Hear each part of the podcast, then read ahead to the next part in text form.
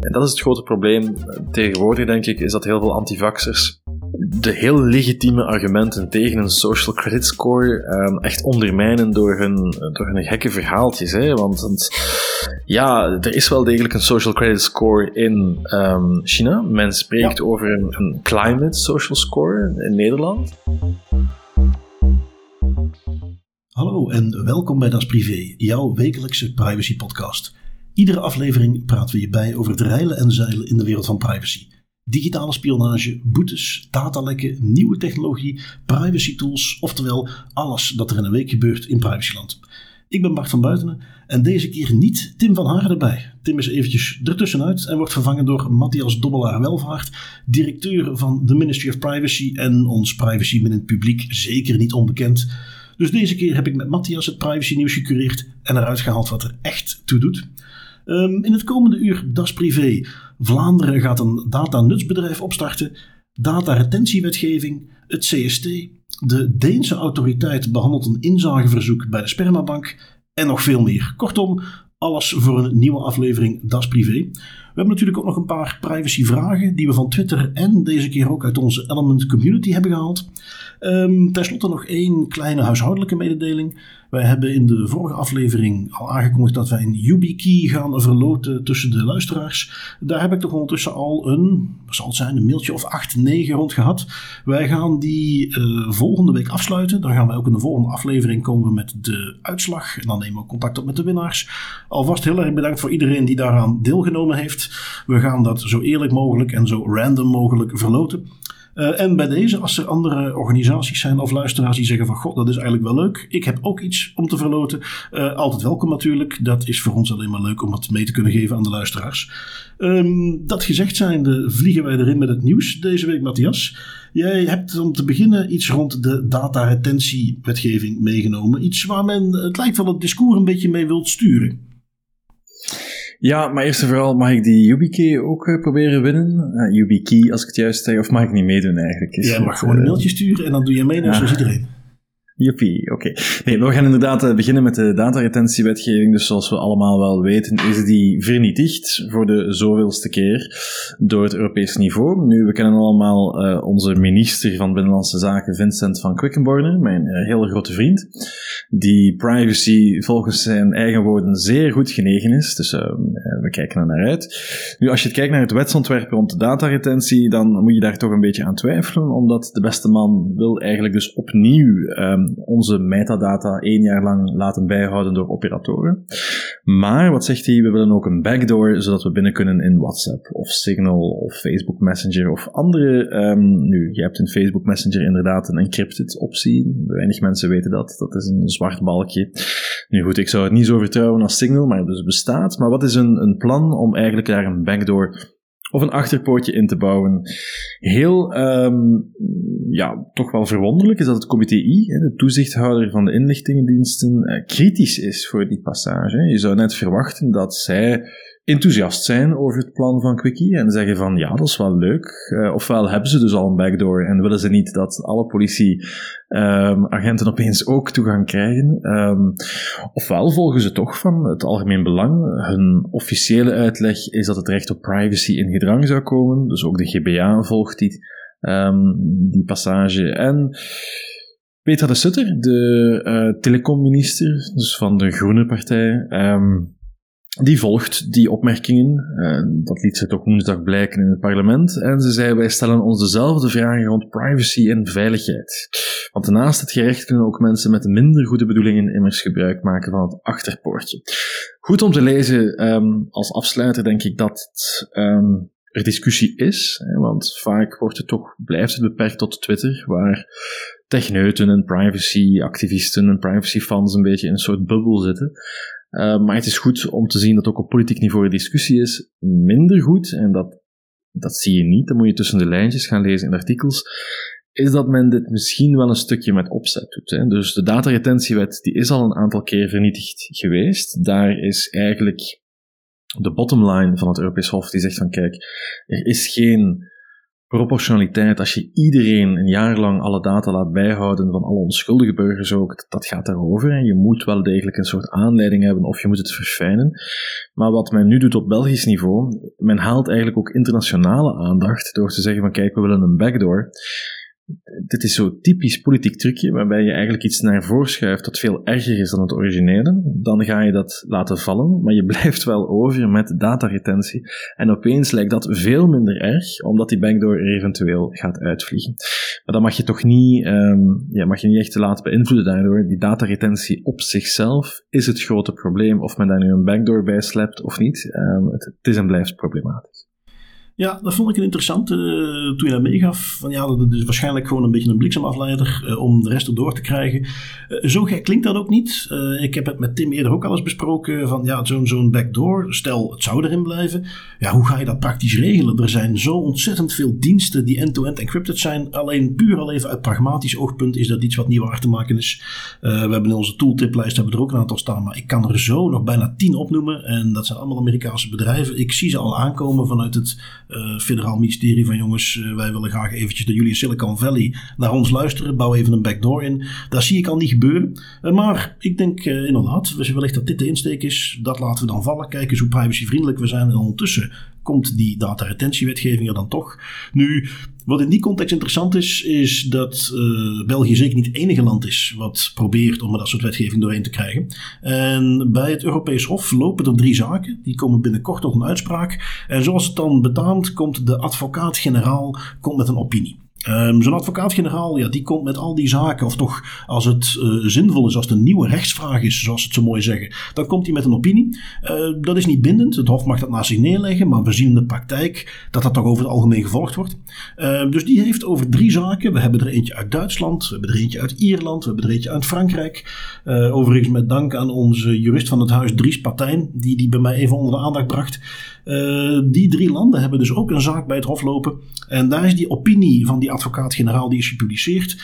En die is niet mals. Uh, die, je, je proeft ook echt de irritatie als je die uh, opinies leest. Um, want in de basis zegt hij gewoon van ja, kijk, jongens, we've been here. Dit hebben we al besproken. En jullie houden het te lang bij. Het zijn te veel gegevens. En in de context van nationale veiligheid valt daar iets voor te zeggen. Maar dat is dit niet wat jullie voor ogen hebben. Dus nee, dit kan niet.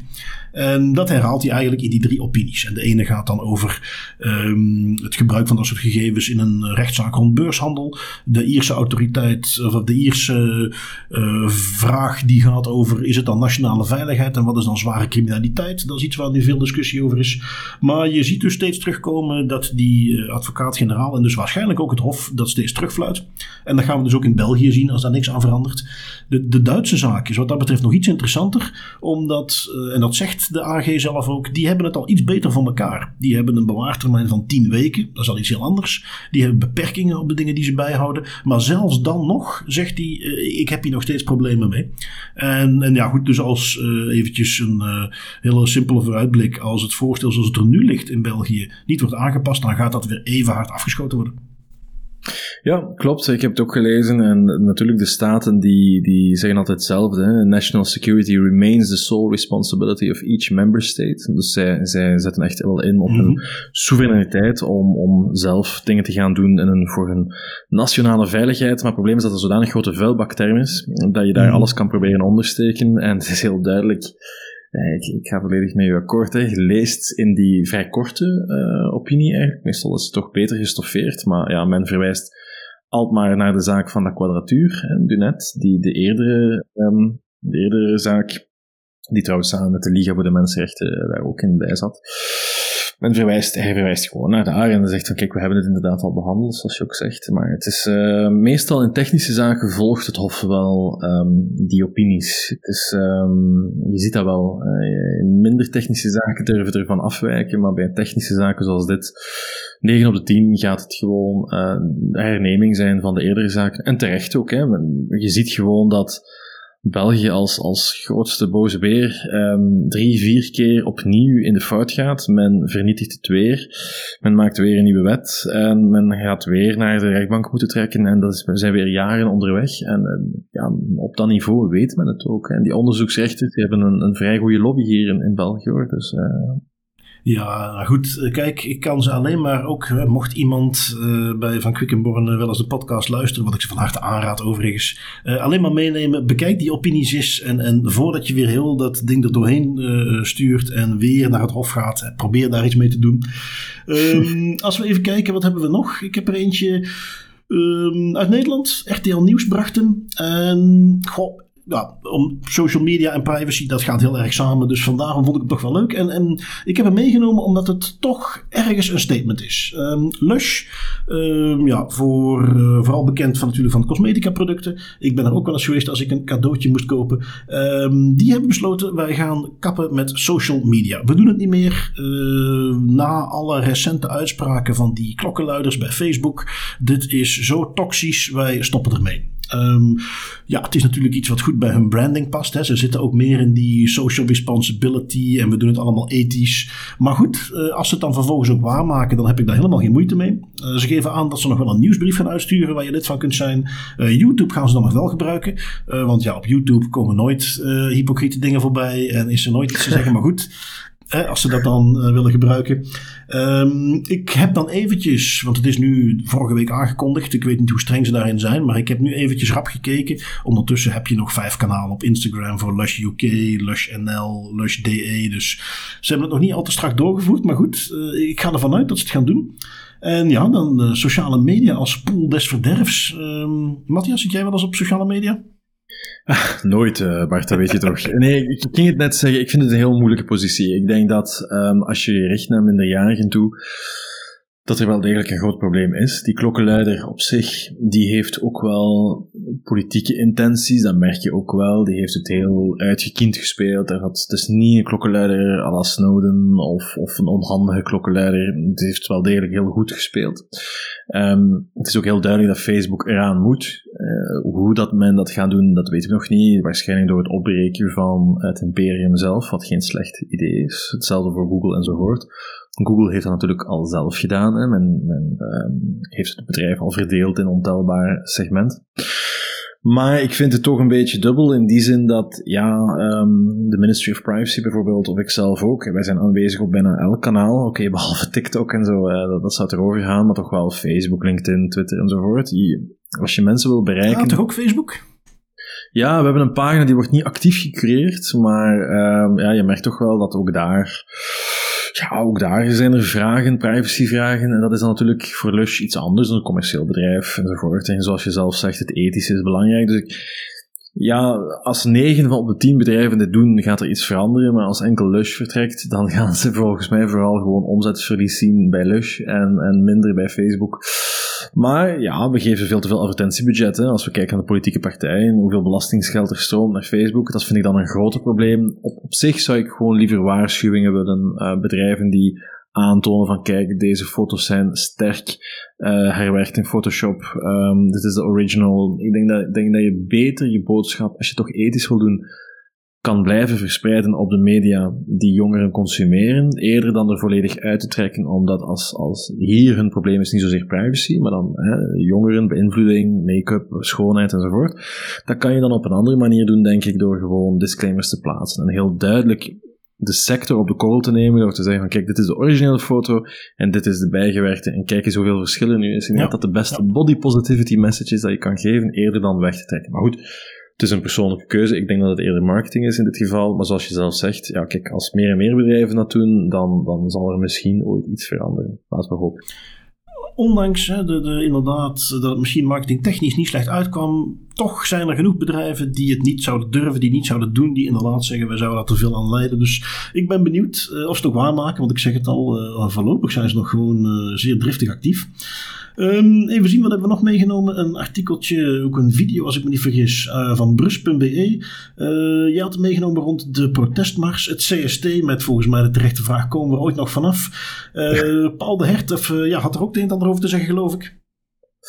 Ja, natuurlijk, Paul de Hert is een beetje afgeweken van het pure privacy standpunt en is wat meer in de ik ga het niet zeggen in de crisisontkenning gegaan, maar hij is wel in het heel kritische kamp samen met uh, Sam Brokken en zo. Hebben zo filmpjes gemaakt, Tegenwind TV denk ik dat het heet. Dus Paul de Hert, we zagen ook al in de documentaire van Tim Verheijden, die is wel privacy extremer geworden de laatste Hmm. jaren. Dus dat is de nuance die ik wel wil maken. Nu, privacygewijs, ja, die protestmars, ehm men spreekt van 35.000 aanwezigen, de organisatoren zelf van 50.000. Het is nu eh, gebleken dat organisatoren een beetje gelinkt waren met extreem rechts in, in Vlaanderen, wat natuurlijk niet zo verwonderlijk is, aangezien je gewoon zit met een heel grote rise in extreem eh, partijen, zowel links als rechts. Ehm, ik denk dat het grootste wat mij ergerde was eigenlijk dat men die 35.000 mensen wegzet als allemaal antivax. Ik denk dat dat een grote fout is. Als we kijken naar onze eigen CST-campagne, die op vijf dagen 40.000 euro ophaalde, ja, dat doe je niet met alleen antivaxers, dat beloof ik u. Er waren nog heel veel mensen in de commentaren die zeiden van kijk, ik ben dubbel gevaccineerd, ik heb gewoon een heel groot probleem. En, en daar gaat het ons om dan met jouw medische status moeten tonen aan een cafébaas of een gym. Eh, Ik zelf voel mij heel onprettig elke keer als ik naar de gym ga ik moet dat gaan tonen. Goed, bij mijn um, uitbaten heeft men dat allemaal geautomatiseerd. Dus ik heb geprobeerd om met een QR-code die ik vond in Google Images binnen te raken. Dat lukte ook gewoon. Uh, Vincent van Quickenborne zal dat heel leuk vinden om te horen. Maar dan op café of op restaurant, ja, mag ik even scannen? Dan denk ik al van, ach, liefst niet. En dan uh, moet je nog eens een identiteitskaart tonen. Dat, dat vind ik wel, ik vind het persoonlijk waanzin. Uh, maar goed, we zullen zien hoe die zaak loopt. Hè. Onze advocaten zeggen zelf van, ja, het is niet zo'n evidente zaak. Dus dat betekent uh, meestal al dat je moet hopen op een waterkans. Zeker omdat je ook ziet dat de Raad van State, het Grondwettelijk Hof en andere rechtbanken helemaal niet pro-privacy waren de laatste jaren. Uh, zelfs los van corona. En zeker tijdens de pandemie zeggen rechtbanken eigenlijk al gauw van kijk, wij maken niet de politiek of wij maken niet de policy. Het is de politiek zelf die in deze tijden moet beslissen wat ze aanvaardbaar vindt of niet. Zeker de Raad van State heeft heel flauw gedaan de laatste tijd.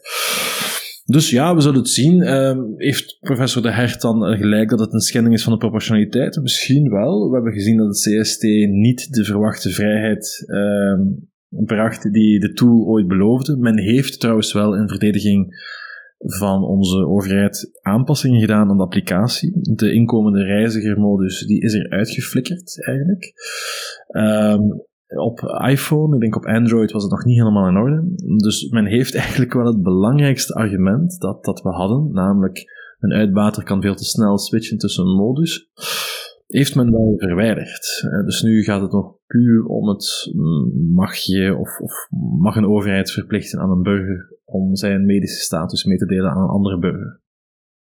Dus ja, het CST komt er ooit vanaf. Um, ik denk dat Frank van den Broeke vorige week zei dat het CST ook zou gebruikt worden bij kleinere private feestjes.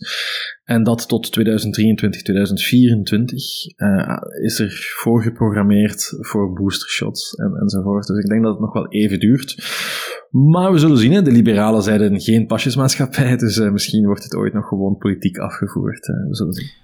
Ja, het is vooral dat aspect voor mij inderdaad. De, de, de normalisering van, kijk, waar je ook heen gaat, waar je nu komt, het is voortaan iets waar je identiteitskaart moet laten zien. Waarbij ik erbij moet zeggen dat heel veel plekken waar ik geweest ben, ze plichtmatig even scannen, maar die identiteitskaart die wordt nooit gevraagd.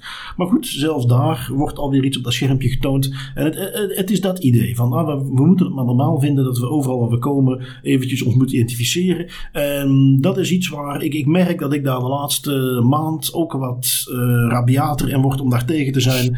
Uh, ja, er klopt iets niet mee. En, en, en zeker inderdaad, nou, hoe meer, hoe langer ziet dat uh, opnieuw, zonder daar enige expertise in te hebben, uiteraard. Maar ik denk dat we rustig kunnen stellen dat de, uh, het Rijk van de Vrijheid, wat beloofd werd op het moment dat we allemaal gevaccineerd zijn, ja, dat is toch aanzienlijk genuanceerder. Ja, duidelijk. Ik heb je ook gezegd in het begin van de podcast, dit wordt geen uh, pro-activistische podcast, dus ik probeer het echt genuanceerd te houden. Ik denk dat het wel duidelijk is dat ik geen fan ben van CST. Um, het zal de voorstanders zullen zeggen, kijk, het past binnen het Swiss uh, cheese model. Hè, hoe meer verschillende beveiliging je inbouwt, hoe beter. Mm. Um, ik denk in de praktijk dat het CST vooral leidt, en dat is niet verrassend, er zijn verschillende virologen die dat de afgelopen twee weken hebben gezegd, dat het eens met het CST vroeg. Ik heb het ook zelf gemerkt. Ik heb twee maanden achter de rug met heel veel lezingen, eindelijk terug, vond ik fijn.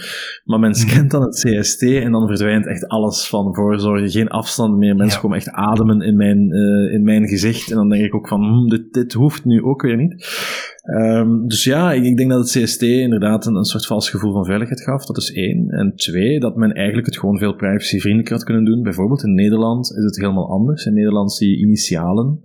Um, dat zorgt er natuurlijk voor dat de identiteitscontrole wegvalt. Hè, want het is veel makkelijker om daar een hmm. vervalsing maar ik kan u garanderen, de mensen die niet gevaccineerd zijn en die toch ergens willen binnenraken, die lenen wel een QR-code van een vriend. En ja. Goed, dat is dan een argument om toch identiteitscontrole te doen. Ik zie dat niet zitten. Um, maar zoals je zelf zegt, ik denk dat wij misschien soms te paranoïde zijn geworden door verhalen te zien in de VS en zeker in China, waar, en dat is het grote probleem tegenwoordig, denk ik, is dat heel veel antivaxers de heel legitieme argumenten tegen een social credit score um, echt ondermijnen door hun, door hun gekke verhaaltjes. Hè? Want, want ja, er is wel degelijk een social credit score in um, China. Men spreekt over een, een, climate social score in Nederland. En men probeert echt die, die, um, die complottheorieën eh, vanuit de overheid bijna kracht bij te zetten door af en toe eens argumenten te geven.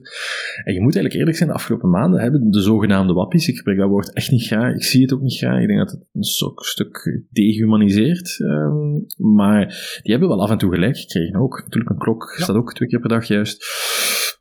Maar je moet wel realistisch zijn in de zin dat dit echt niet helpt. Um, nog het CST en zeker niet natuurlijk de angst voor zo'n social credit score, waar dan op termijn. Je wordt het nu eigenlijk gewoon, je voelt het gewoon. Het gaat altijd heel mm. geleidelijk. Men zegt nooit van de dag op morgen we gaan DNA, DNA van baby's nemen. Dat voorstel is er ooit wel gekomen van CD&V'ers. Maar men gaat dat nooit doen van de ene dag op de andere. Maar je voelt dat het CST een soort opstapje is naar, um, naar meer. Dat is gewoon zo om uh, er even eentje bij te pakken die we volgens mij zelfs een paar afleveringen niet meer zo genoemd hebben. Maar het hellend vlak is hier zeker yes. aanwezig. Um, gaan we even door naar uh, iets anders. Wel weer een overheid die met data aan de slag wilt, nu de Vlaamse overheid. En we kijken naar het data-nutsbedrijf. Het is nu tijd van Digitaal Vlaanderen, grote conventie. Uh, die kon dan wel doorgaan. Daar komen heel veel mensen bij elkaar. En die praten. Eén ding wat daar uitkomt, wat ik ook heel interessant vind, is uh, Solid. Is dat idee dat er een, technologie is waarin je de burger de controle geeft over zijn data. Um, ja, men heeft nu vanuit Vlaanderen besloten, wel, we gaan daar een data-nutsbedrijf rond oprichten. Je hebt een nutsbedrijf voor elektriciteit, je hebt een nutsbedrijf voor andere essentiële diensten. En wel, we gaan een data-nutsbedrijf oprichten. Um, in, in de persberichten en artikeltjes, ik heb deze uit de tijd meegenomen. Uh, quotes van Jan Bon over bedrijven en overheden die willen automatiseren en moeten dan niet zelf op zoek gaan naar databronnen, terwijl de veiligheid en de privacy wordt gegarandeerd. Dat is het idee van het datanusbedrijf, dat is het idee van de kluizen die daarin gaan zitten. De term solid is al een paar keer gevallen. Ik hoop daar binnenkort is een, een uitgebreide aflevering van Discours aan te wijden aan, aan dat concept op zich. Maar dat is wat er aan de basis moet liggen. Een technologie die mensen een eigen kluisje geeft waar die data in zit en waar je dan zelf kunt besluiten wie wel of geen toegang krijgt. In de tekeningen van de Vlaamse overheid zeggen dan zo mooi: je hebt een datakluis en je hebt een datasluis. En dan kun je zelf bepalen wie daar wel of niet eh, toegang toe krijgt. Uh, wat mij wel opviel in de artikelen daar rond is dat de betreffende minister toch ook al aangeeft van ja, kijk, dat is nu een datanusbedrijf vanuit de overheid, maar het is toch uiteindelijk wel de bedoeling dat het 100% privé moet worden. Um, dat, dat, dat noemen wat sceptisch of zelfs wat cynisch, maar dan gaan er toch een paar alarmbellen af. Zeker als je weet dat op zich de data in zo'n kluis, ja, die is toegankelijk voor degene die die kluis host. En in dit geval is dat de overheid, maar dan dus op termijn kennelijk private bedrijven.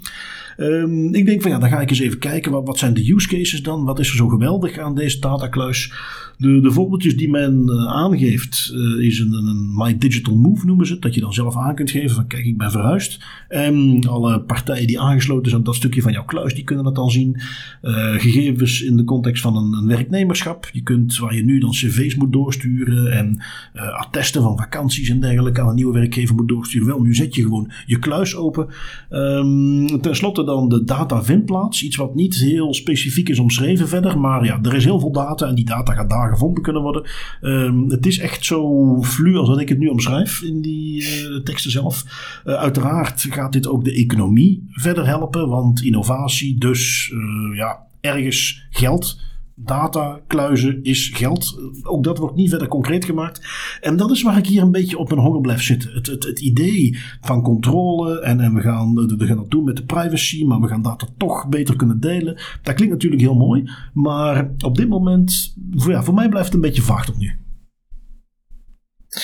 Ja, sorry Bart, ik was gewoon aan het luisteren naar je stem. Je hebt zo'n heel warme stem eigenlijk. Ik vind het wel uh, geslaagd uh, dat je een podcast doet. Je doet me denken aan Funiculi, Funicula. Heb je dat programma ooit gehoord op Radio 2? Nee, nee dat zegt me niks. Ik was nog zo'n jong ventje en ik moest daar naar luisteren met mijn ouders. Dat was de zondagavond, klassieke muziek. Je hebt ook zo'n zo zachte, warme stem. Maar goed, daar gaat het niet over. Het gaat over, uh, over Jan Bon en Solid. Nu, als ik Jan Bon hoor en een alinea die samenstaat met privacy, dan begin ik te bibberen. Jan Bon is natuurlijk mijn grote maatje naast Vincent van Quickenborne. Ik denk dat het, uh, het, heel duidelijk is dat het gewoon moet opbrengen. Dat is, logisch. Hè. Data, uh, het is eigenlijk echt privacy as a currency voor me. Waarbij dat echt heel duidelijk gaat dat je privacy moet kunnen verhandelen, of toch tenminste de data.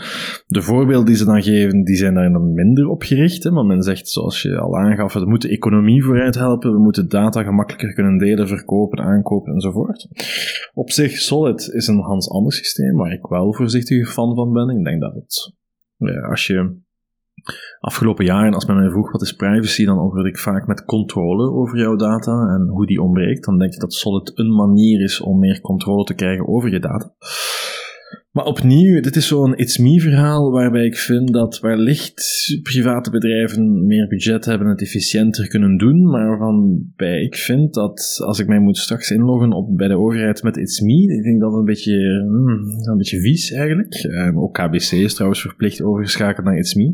Op zich is die app goed, heel veel mensen zijn er fan van, um, maar ja, moet dit een privébedrijf worden? Ik denk het echt niet. Hè. Ik denk dat dit echt bij de overheid hoort.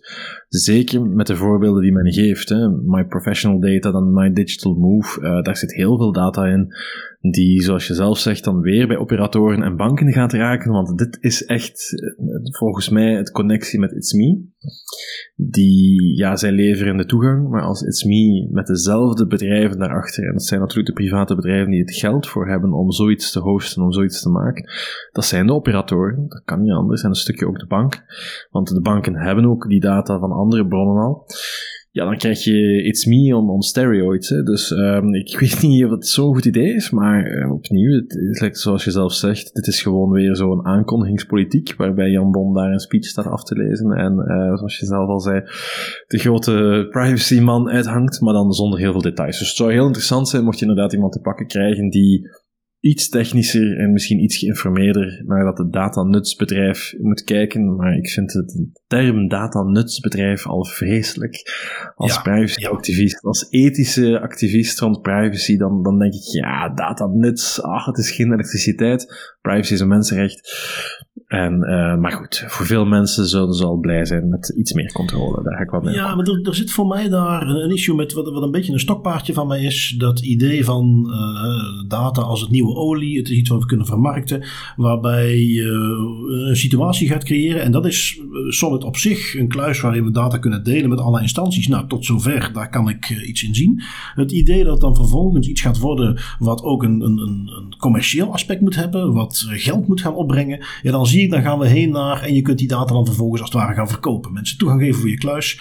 En ja, dan, dan zie je ook waar vaak, om dan eventjes een uitstapje te maken naar iets heel simpels zoals die, die cookie banners, waar je dan tegenwoordig nu vaak kunt kiezen tussen of ik neem een abonnement of ik laat me tracken. En dan kom je in de situatie dat misschien de ene persoon, misschien uh, mensen zoals wij, die privacy heel erg belangrijk vinden, uh, die ook vinden dat we daar in ons budget ruimte voor moeten maken. En die wel voor dingen willen gaan betalen omdat we dat zo zien zitten. Maar er zullen genoeg mensen zijn die dat misschien ook belangrijk vinden. En die niet in die positie. Die zeggen wel, die 10, 15, van mij part 50 euro per maand die ik moet gaan uitgeven als ik overal lid van wil zijn. Uh, nee, weet je wat, pak dan mijn data. Maar dat is geen keuze. Dat is geen echte keuze. En dat is waar ik dan bang ben als ik dit soort dingen voorbij zie komen, dat hier ook op uit gaat draaien. Jij kunt via de, de pods, de, de solid data kluizen, kun je dan vervolgens gaan zeggen van, ah, wil jij aan mijn data? Wel, alsjeblieft, dat is 10 euro, dat is 15 euro. En op die manier creëer je dan wat geld bij elkaar. En waar uh, jij en ik dan misschien gaan zeggen van nou, dat, dat zie ik niet zitten. Zijn er wellicht genoeg andere mensen, uh, als jij leefloner bent en jij kunt 100 euro per maand extra verdienen door jouw datakluis open te zetten. Ja, reken maar dat je dat gaat doen. En dat is ook geen oprechte keuze meer. En dat is iets waar ik heel benieuwd naar ben of, of dat idee hierachter zit. Ik hoop het niet. Dat is ook, ja, het is in die zin gelukkig nog vaag genoeg dat dat nog niet duidelijk is. Uh, maar dat, dat zou ik, uh, laten we zeggen, een, een flinke uitdaging uh, vinden richting het basisrecht op privacy. Maar goed, nee, je hebt gelijk, we zullen zien hoe dat gaat.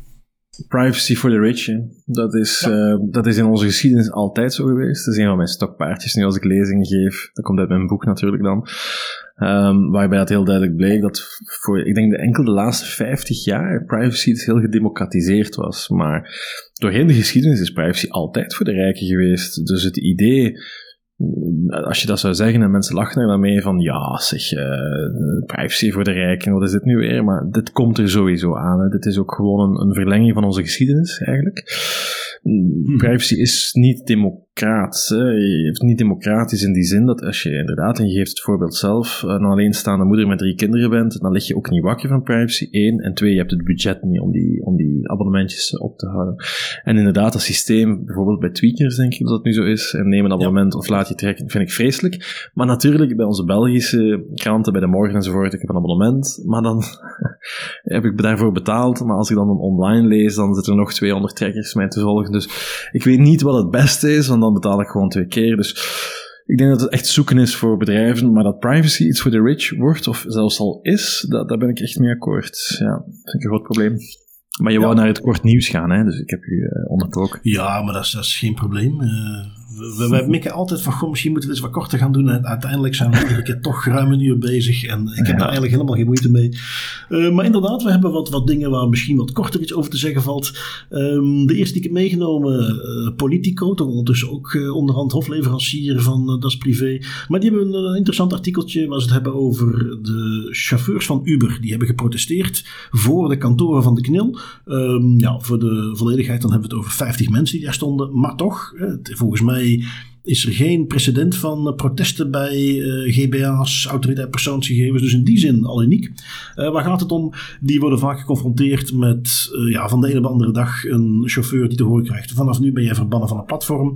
Dat is een volledig geautomatiseerd besluit. In onze huidige GDPR-privacy-wetgeving hebben wij een recht waarin staat: je zult niet onderworpen worden aan volledig geautomatiseerde besluitvorming. Daar moet op zijn minst een menselijke interventie tussen kunnen zitten. Die lijkt er bij Uber niet te zijn. Je ziet wat ze aangeklaagd hebben bij de KNIL. Die zegt, en dat is een beetje het manco van sommige elementen van die GDPR, die zegt van ja, dit is een bedrijf gevestigd in Nederland. We hebben het doorgegeven, maar het is de Nederlandse autoriteit die coördineert. En die gaat hier niet heel erg op vooruit. En ja, goed, dan krijg je protesten voor de deur van de KNIL.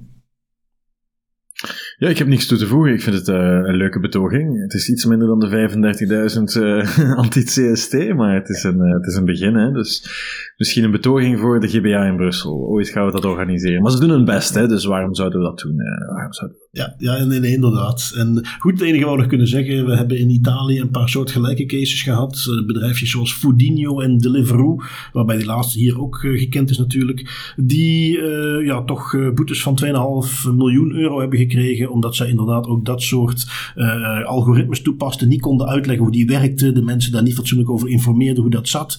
Dus er, zit echt wel iets in. En ik denk dat we daar vanuit Uber ook op een gegeven moment wel iets meer over gaan krijgen. Um, wat hebben we nog? Je had nog iets meegenomen van brus.be over Bruvax. iets Bruvax toch uiteindelijk... de Bruvax Gate, zoals het heet. Ja, hè? Dus, precies. Dus, ja, wat was de laatste ontwikkeling? ik geloof dat de betreffende minister nog iets over te zeggen had. Wel, ze hebben een, eh, een, een, envelop gestuurd voor uw reminder, voor uw, ja, uw boosterdosis of zelfs uw tweede dosis. En op de envelop staat er officiële uitnodiging voor een herhaalvaccin, maar dat staat op de envelop en niet in de brief. Um, het hoeft natuurlijk niet, het is echt uh, idioot. Ik weet niet hoe ze het daar doen in Brussel, maar ik denk dat ze iets hebben van, ha, privacy, we gaan eens uh, de mensen irriteren die daar iets mee te maken hebben, of dat graag doen. Um, maar goed, een gewone standaard envelop was wel voldoende geweest zonder de, de notificatie erbij. Los daarvan, er zijn veel problemen, dat weten we. Um, Charta 21, een beetje een nieuwe privacybeweging. Um, Die heeft um, het lek, als je het dan een lek kunt noemen, uh, aangekaart. Dat dus mensen heel eenvoudig konden kijken wie gevaccineerd was of wie niet. Dat is ook al aan bod gekomen. Dus ja, uh, men, doet daar, uh, men doet daar maar wat. En dat is natuurlijk uh, eigen aan België, dat er zoveel verschillende systeempjes bestaan. Maar dit lijkt niet het systeempje dat je wil houden, waarbij je op de buitenkant van de envelop zegt, zeg, je moet je herhaalvaccin krijgen. Dus niet zo privacyvriendelijk. Nee, inderdaad, inderdaad. En als je dan vervolgens uh, wat verslagen ziet van, uh, hoe moet ik het noemen, commissievergadering of in het uh, Brussels parlement, maar waar die persoon dan zelf aangeeft dat hij het allemaal overdreven vindt, ja, dat, dat geeft natuurlijk geen goed gevoel. En dat zie je dan ook in dit soort dingen steeds weer terugkomen. Um, een andere partij die je steeds weer terug ziet komen als het gaat om privacy en schendingen is de Nederlandse Belastingdienst. Die hebben toch een, een abonnement op diverse kranten waar zij terugkomen met artikelen over privacy. Um, dit is nog een klein stukje een vervolg op de toeslagenaffaire. In Nederland is daar heel veel te doen geweest. De wijze waarop men voornamelijk arme gezinnen die toeslagen kregen, extra bijstand, um, ja, bijna achtervolgde, bijna een inquisitie opzette om die is uh, te betrappen op fraude, onterecht te betrappen op fraude, uh, financieel bijna over de kling heeft gejaagd, komt nu terug dat men daar eigenlijk geen gelijk in had. In die uh, volgorde, in, in die uh, opvolging van zaken, komt nu langzaamaan nog wat meer naar buiten. Uh, hoe de Belastingdienst fraudesysteem heeft opgezet. Hoe zij gingen kijken op basis van de data die ze hebben. Is iemand een potentiële fraudeur of niet? En het, laatste in die rij is het risicoclassificatiemodel. Dat is een, systeem wat ze hanteerden, wat vorig jaar is bekeken door KPMG. Uh, uiteraard een heel bekend consultancybedrijf. Die hebben aangegeven van ja, god, dat, zit toch niet helemaal goed. Een eigen vervolgonderzoek van de Belastingdienst heeft dat ook nog eens aangetoond. Um, waar ging het hier over? Een systeem wat al in 2013 in gebruik was. En waar dus een zelflerend algoritme op basis van diverse input ging bepalen waar is er een extra gevoeligheid voor uh, fraude. Ja, je zou bijna denken, als je dat bekijkt, dat daar bij de Belastingdienst ambtenaren zitten die zeggen: ja, we zullen die paupers eens extra gaan bekijken. Dat zijn toch allemaal fraudeurs. Is uiteraard niet zo. Uh, maar wat je wel ziet, is dat dat zelflerende algoritme op een gegeven moment bedenkt: van goh, er, ik zie een bepaalde correlatie, namelijk mensen van een laag inkomen, daar is vaker fraude geconstateerd. Wel, oké, dan gaan we die voortaan eens meer controleren. Ja, dan voel je al wat er gebeurt. Dan ga je daar, als je ergens meer controleert, vanzelf ook meer aantreffen. En zo komt dat algoritme in een vicieuze cirkel van zich steeds meer gaan viseren tot uh, op een gegeven moment, uh, ik heb wat cijfertjes uit het artikel meegenomen, um, de duizend hoogste risicoscores die er uit het uh, systeem naar boven kwamen. 82% daarvan had een inkomen van minder dan 20.000 euro per jaar. Um, dat is dus ruim 11 keer meer dan de gemiddelde die in dat systeem zitten. En die komen dus buitensporig vaak komen ze in zo'n steekproef naar voren. Um, als je dan bekijkt van de totale populatie, en nogmaals 82% zat in zo'n steekproef. En slechts 7% eh, van de totale doelgroep is in die categorie met dat lage inkomen. Dus compleet disproportioneel. En ja, dat is iets wat dan. Daar is een onderzoekje van KPMG voor nodig geweest. Een eigen onderzoek om daar uit te halen van. Goh, misschien dat correlatie toch geen causatie is. Um, en dit systeem wordt dan ook weer de nek omgedraaid. En ja, dus de zoveelste in de rij bij de Nederlandse Belastingdienst.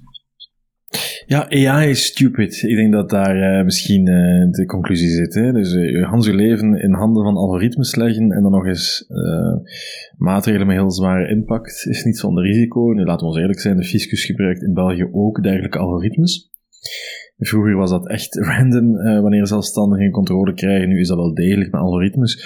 Maar die kijken natuurlijk meer naar um, want dat, dat wordt altijd, uh, probeert men te vermijden, um, serieuze drops in inkomsten of verliezen. Hè. Dus als je echt fluctueert, dan, dan mag je zeker van zijn dat je een controleur op bezoek krijgt. Als je heel gestaag je, je vermogen gaat opbouwen als, als bedrijf, is die kans veel minder. Dus men gebruikt overal algoritmes, maar dit is het voorbeeld, zoals je zelf zegt, het hele foute manier om het te doen. Maar goed, uh, het komt wel alles voor. Ja, inderdaad. En uh, kijk, het enige wat we kunnen hopen met dat ze zo vaak op de pijnbank liggen tegenwoordig, de Nederlandse Belastingdienst, is dat uiteindelijk goed gaat komen. Nu, wat hebben we nog meegenomen? Uh, toch ook weer eentje uit Nederland. Um, we een beetje de, de OG van privacy-activisme mogen noemen. Michiel Jonker, uh, bekend van, toch in ieder geval in Nederland, zaken tegen de OV-chipkaart die ze daar hebben. De afvalcontainers die gegevens registreren in Arnhem, die ook in de podcast voorbij is gekomen. Uh, nou, die had een heel aantal zaken lopen. Ondertussen, ja, wat interessant is aan hem overigens, is dat hij ook altijd die zaken zelf zijn eigen raadsman wilt zijn.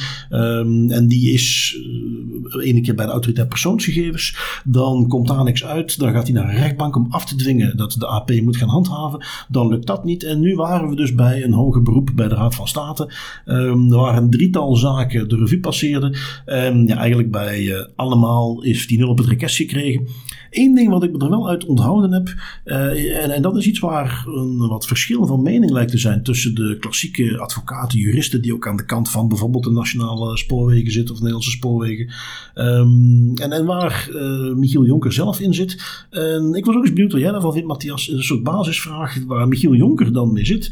Is het recht op privacy hetzelfde als anoniem door het leven kunnen gaan? Ik denk dat het antwoord daar eigenlijk heel eenvoudig op is nee. Anonimiteit is niet hetzelfde als privacy. Privacy is het afschermen en controle van jouw data.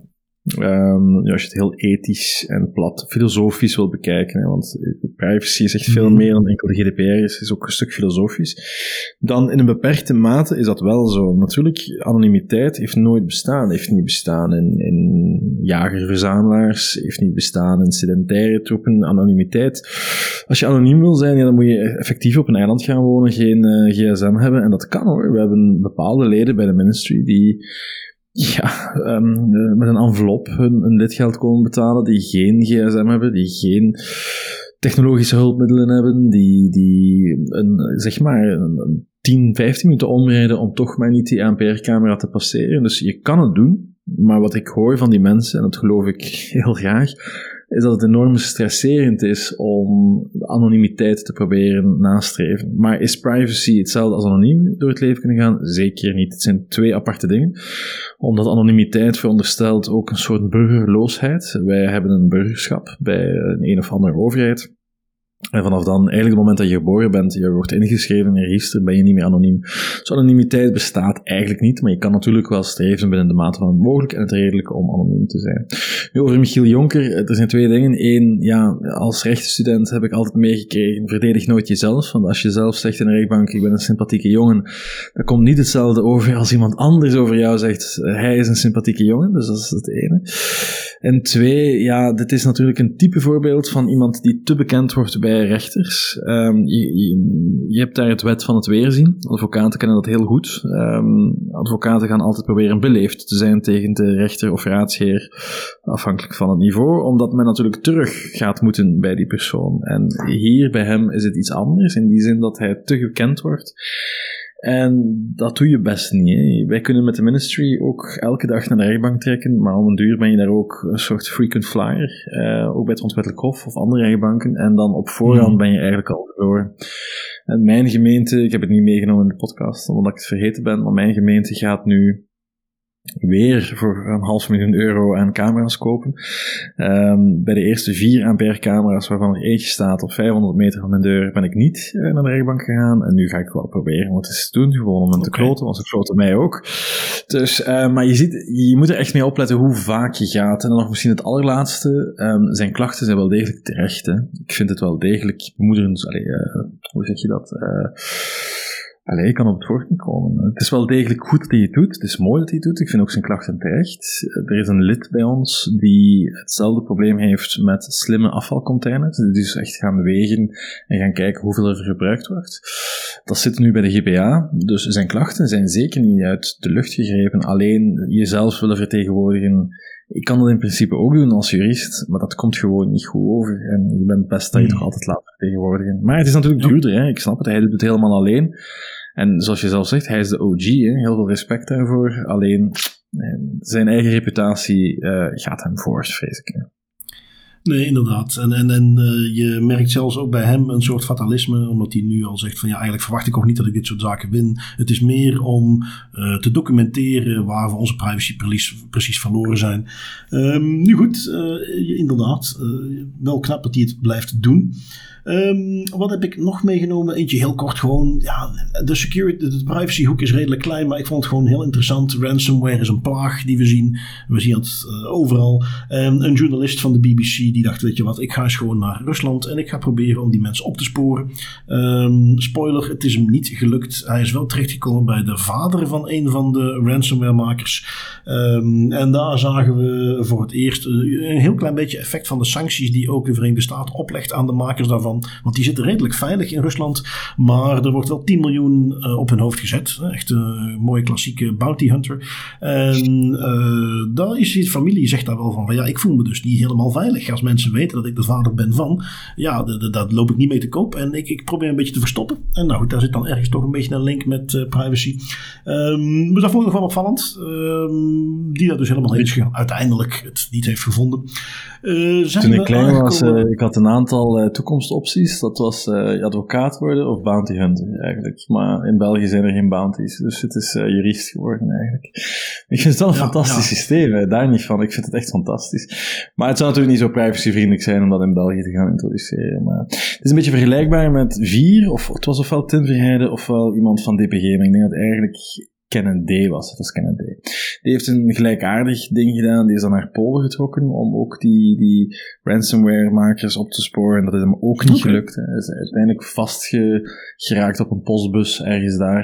Dus het is heel, heel, heel moeilijk om die mensen op te sporen. Uh, het zou vaker mogen gebeuren, denk ik. Maar uh, het is heel moeilijk, zoals je dat zegt. Nou, oké. Okay. Um, kijken we naar datalekken. Uh, dicht bij huis niet zo heel veel gebeurd. Ik vond uh, GoDaddy nog leuk uh, om mee te nemen. Al is het maar omdat je niet verwacht met een bedrijf dat ondertussen toch echt zo groot is. En zoveel regelt op het internet. En dan zo'n amateuristische naam heeft zoals GoDaddy. Um, die hebben een, een datalekje gehad. 1,2 miljoen accounts van hun klanten. dat bevat ook gegevens om in de websites van die mensen te komen. En met alle data die daarmee gepaard gaat.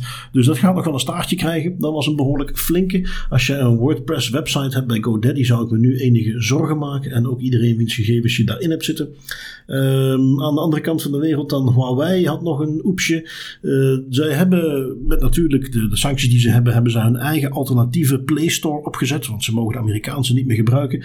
Um, daar blijkt uh, bij 9 miljoen verschillende telefoons uh, malware verspreid te zijn. Die dan weer natuurlijk gebruikt werd om mobiele telefoonnummers te stelen, informatie over de gebruikers door te sturen. Die dan, ja, wie weet waarvoor gebruikt worden. Um, maar dus ja, opvallend en, en ook iets als je ziet dan hoe makkelijk het is om daar kennelijk zo'n hele marketplace te infecteren en dan hebben data uit te trekken, zet het je even te denken over het principe van smartphones. Al ben ik nog niet zo ver dat ik weer terug kan gaan naar een dumbphone. Daarvoor ben ik toch iets te vergroeid met dat ding. Um, hebben we voor de rest, en die, die vind ik deze keer interessant, we hebben de autoriteiten erbij. You will respect my uh, dit keer geen grote boetes. Ik heb er eentje meegenomen uit Denemarken. Twee eigenlijk zelfs. Die komt niet zo vaak voorbij. Maar als ze dan eens voorbij komen, dan hebben ze iets leuks. De eerste. We hebben een uh, spermabank. Altijd interessant, alleen dat al. Uh, een spermabank die een inzageverzoek krijgt van een donor. En die donor zegt: Ik wil graag weten hoeveel kinderen zijn verwekt met mijn sperma. En niet alleen dat, ik wil ook weten hoeveel van de gezinnen bestaan uit een single moeder. Uh, nu ja, goed. Uh, als je dat voor het eerst leest, dan denk je: wauw, wat is hier aan de hand? Is het een goedkope manier om ergens binnen te komen? Want ja, ze hebben toch al een kind van me, dus dat is net iets makkelijker. Uh, maar hier zit een laag in. Hier zit een laag in, dat beloof ik. Uh, de spermabank zelf, Cryos, die zegt: ja, dat gaan we natuurlijk niet vrijgeven.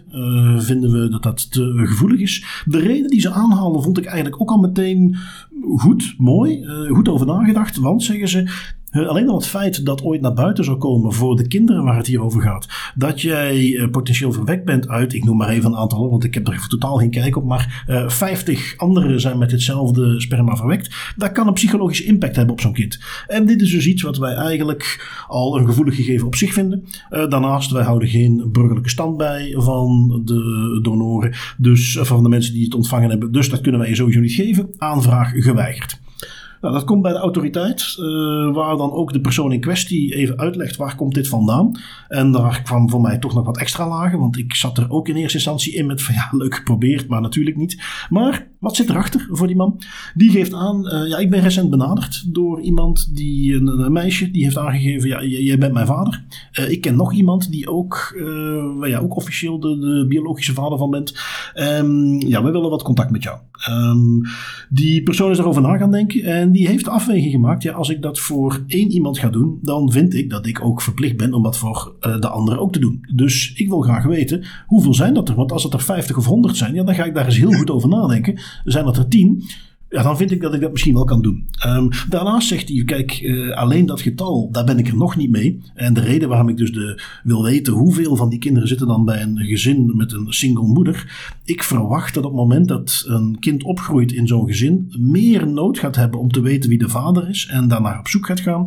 En als ik dus weet van ja, het zijn er honderd en ik weet dan hoeveel daarvan uit een single gezin komen, kan ik dus veel beter inschatten hoe groot is de kans dat die inderdaad naar mij op zoek gaan.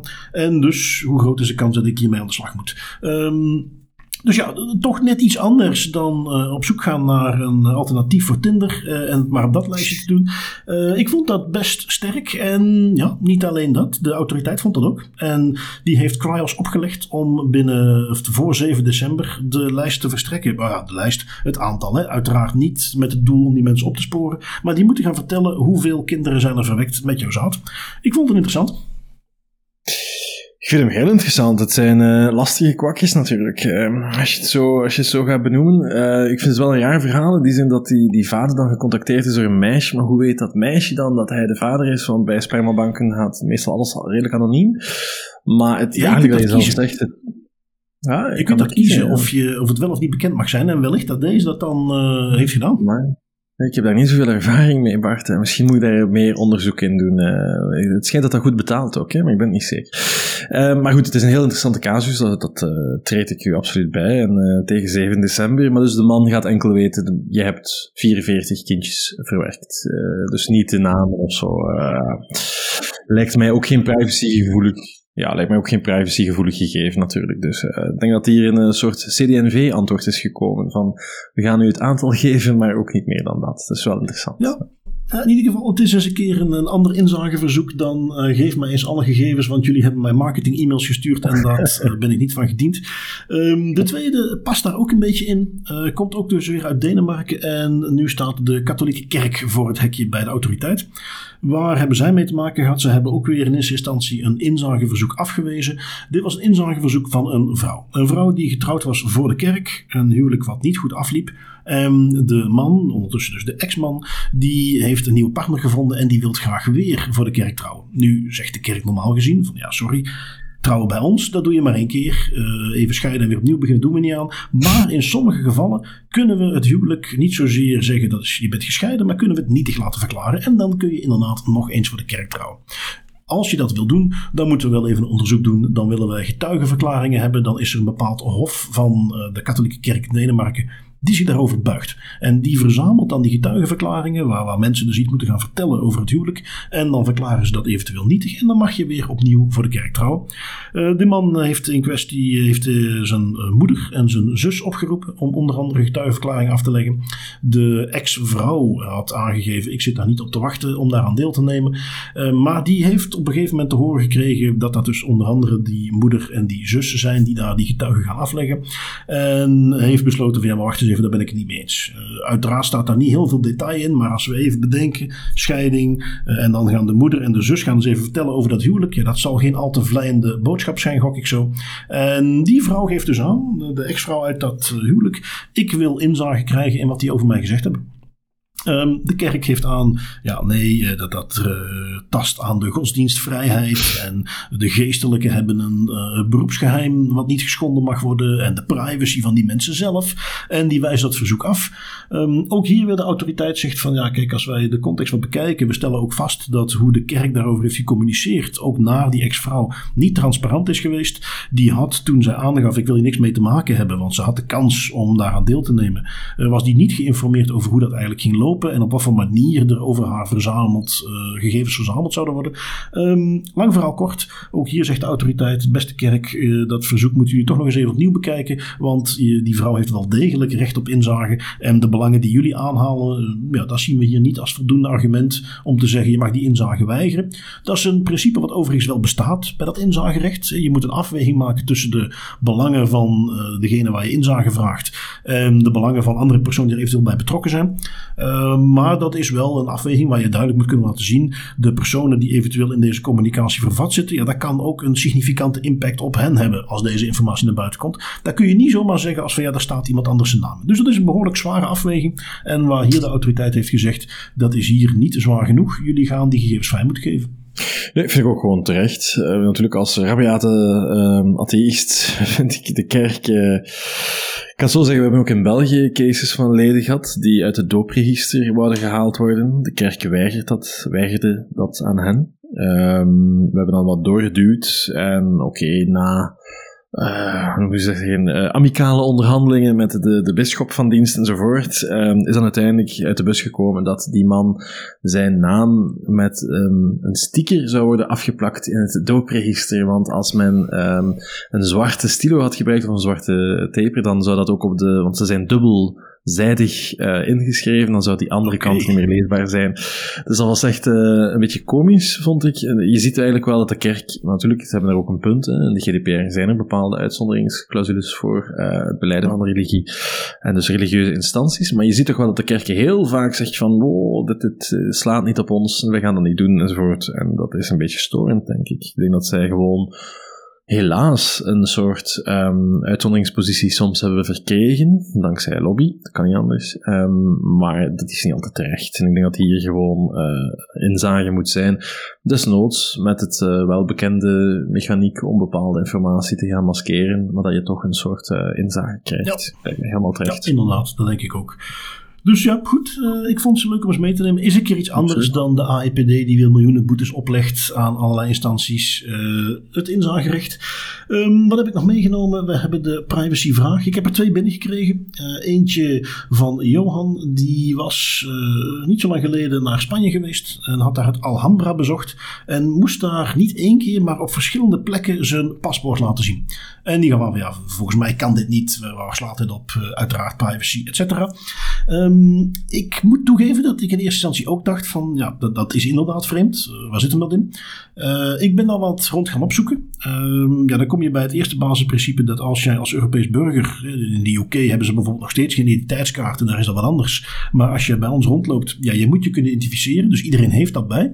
En het Alhambra die heeft nogal vaak te maken gekregen met partijen die tickets opkopen en die dan vervolgens, want dat is een beperkte oplage, niet iedereen kan daar altijd naar binnen als ze willen, uh, om die vervolgens voor veel meer geld te gaan verkopen. Wel, dat is iets waar het Alhambra iets aan wil doen. En die hebben dat voortaan gekoppeld aan een paspoortnummer. Ze gaan geen rijksregisternummers noteren. Ze gaan voor de rest geen specifieke identiteitscheck doen. Ze willen gewoon weten, is het nummertje wat we hier zien staan ook degene die het ticket gekocht heeft? Zo ja, dan mag je binnen.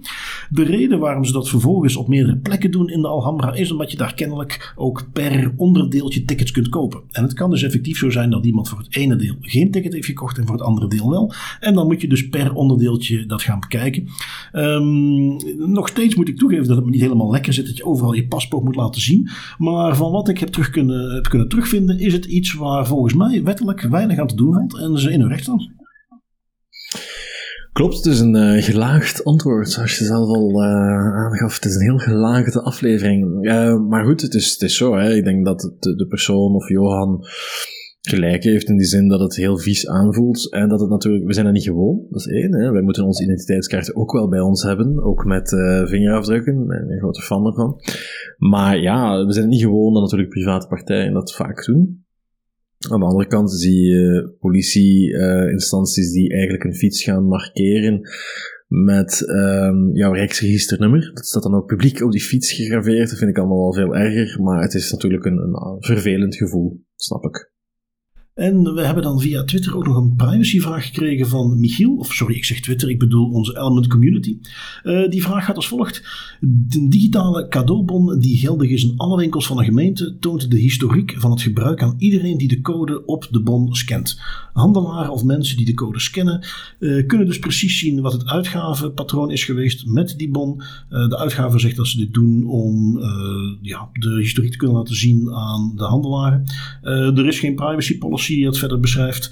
Het idee is dus, je hebt ergens in de gemeente een, een, zo'n check kunnen kopen. Uh, je gaat daarmee naar een winkel, die scant die code en vervolgens kan die vervolgens op de website die daarmee geopend wordt ook meteen zien wat je hebt gekocht bij andere winkels. Um, nou, de vraag van Michiel is dat, is dat privacy technisch in orde? Um, ik denk dat we daar heel simpel in kunnen zijn. Hè, dat uh, het zo is opgezet dat je als winkelier meteen kunt zien wat heeft iemand anders nog gekocht bij die cadeaubonnen. Ik ken ook geen andere cadeaubon waar dat zo werkt. Dus nee, dat is zeker niet zo. Uh, dat hoort niet. Dus uh, vrij fout, eigenlijk. Uh, niet zoveel gehoord, maar uh, nee, ik ga akkoord met jou. Het mag niet. Maar goed, gaan ze ermee stoppen?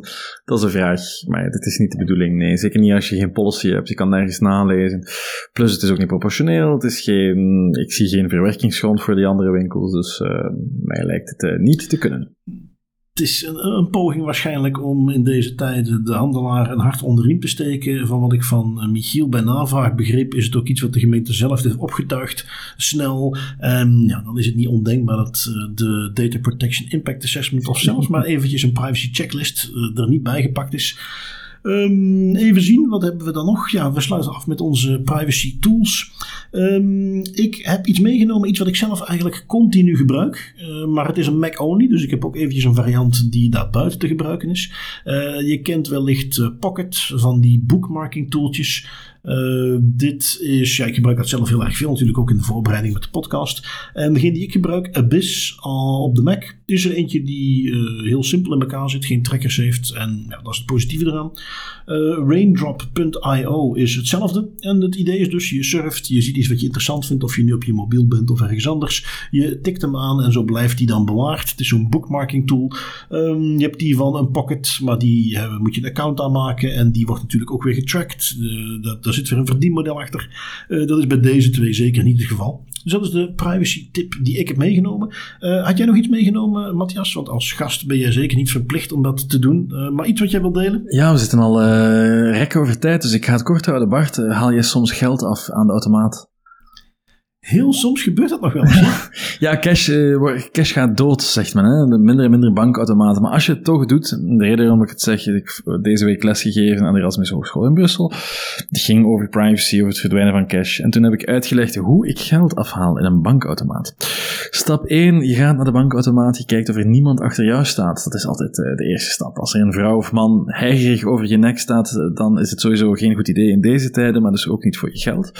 Twee, je voelt eigenlijk aan het mond mondstuk. Is er een vals mondstuk opgeplaatst of niet? Dat is typisch voor uh, skimmers dat ze dat gaan doen. Um, Drie, je, je, klopt eigenlijk even aan de bovenkant van de automaat of er geen uh, paneeltje los zit waar een USB-camera in zit. Dan ga je natuurlijk heel traditioneel je, je hand gaan, eh, of je hand afdekken waar je je pincode mee doet. Maar het is eigenlijk niet voldoende, want nieuwe technologie stelt in staat via warmtecamera's om eigenlijk te gaan kijken welke toets er het laatst is geduwd. En er was een leerling in de les die vroeg, ja, als je dan het bedrag kiest, dan werkt het niet meer. Inderdaad, het gaat dan enkel over het feit als je standaard bedragen zoals 50, 120 euro kiest. Dus de, de, de gouden tip is ook nog eens jouw keypad te gaan wipen met jouw handpalm. Ook in deze covid-tijden misschien niet zo leuk, maar onderzoek heeft aangetoond dat het zich eh, verspreidt via particles in de lucht en dus niet via besmette oppervlak. Dus uh, de, de, als je dat allemaal doet, dan heb je kans dat er een bewakingsagent langskomt om te kijken van wat is die paranoïde doet allemaal aan het doen met mijn um, cash-automaat. Maar het is wel het meest veilige, dus vandaar deze privacy tool geen, uh, of geen tip voor op internet. Maar als je nog de, de dinosaurussen behoort die af en toe geld afhalen zoals ik, dan is dit mijn privacy tip om af te sluiten. Oké, ja, heel interessant. Uh, de cash opname toch iets wat we ook af en toe nog eens blijven doen. Ik doe het nu zelf zo weinig dat het eigenlijk niet eens meer zo'n gedoe is om dit soort tips even door te voeren. Ik moet toegeven dat ik het namelijk zelf ook eh, op die manier doe. Die van de warmtecamera's wist ik nog niet. Uh, maar die andere dingen, ja, effectief iets waar ik ook op die manier bij de pinautomaat sta. Gelukkig opnieuw, we doen het zo weinig dat het niet meer uitmaakt. Um, ja, dan zou ik voor de rest zeggen, Matthias, heel erg bedankt dat jij even wilde inspringen voor Tim. We zijn weer aan het einde van de aflevering. En uh, ja, onze luisteraars uiteraard ook bedankt om weer te luisteren. En wij spreken jullie, of wij horen jullie weer volgende week. Bedankt. Ja, dankjewel.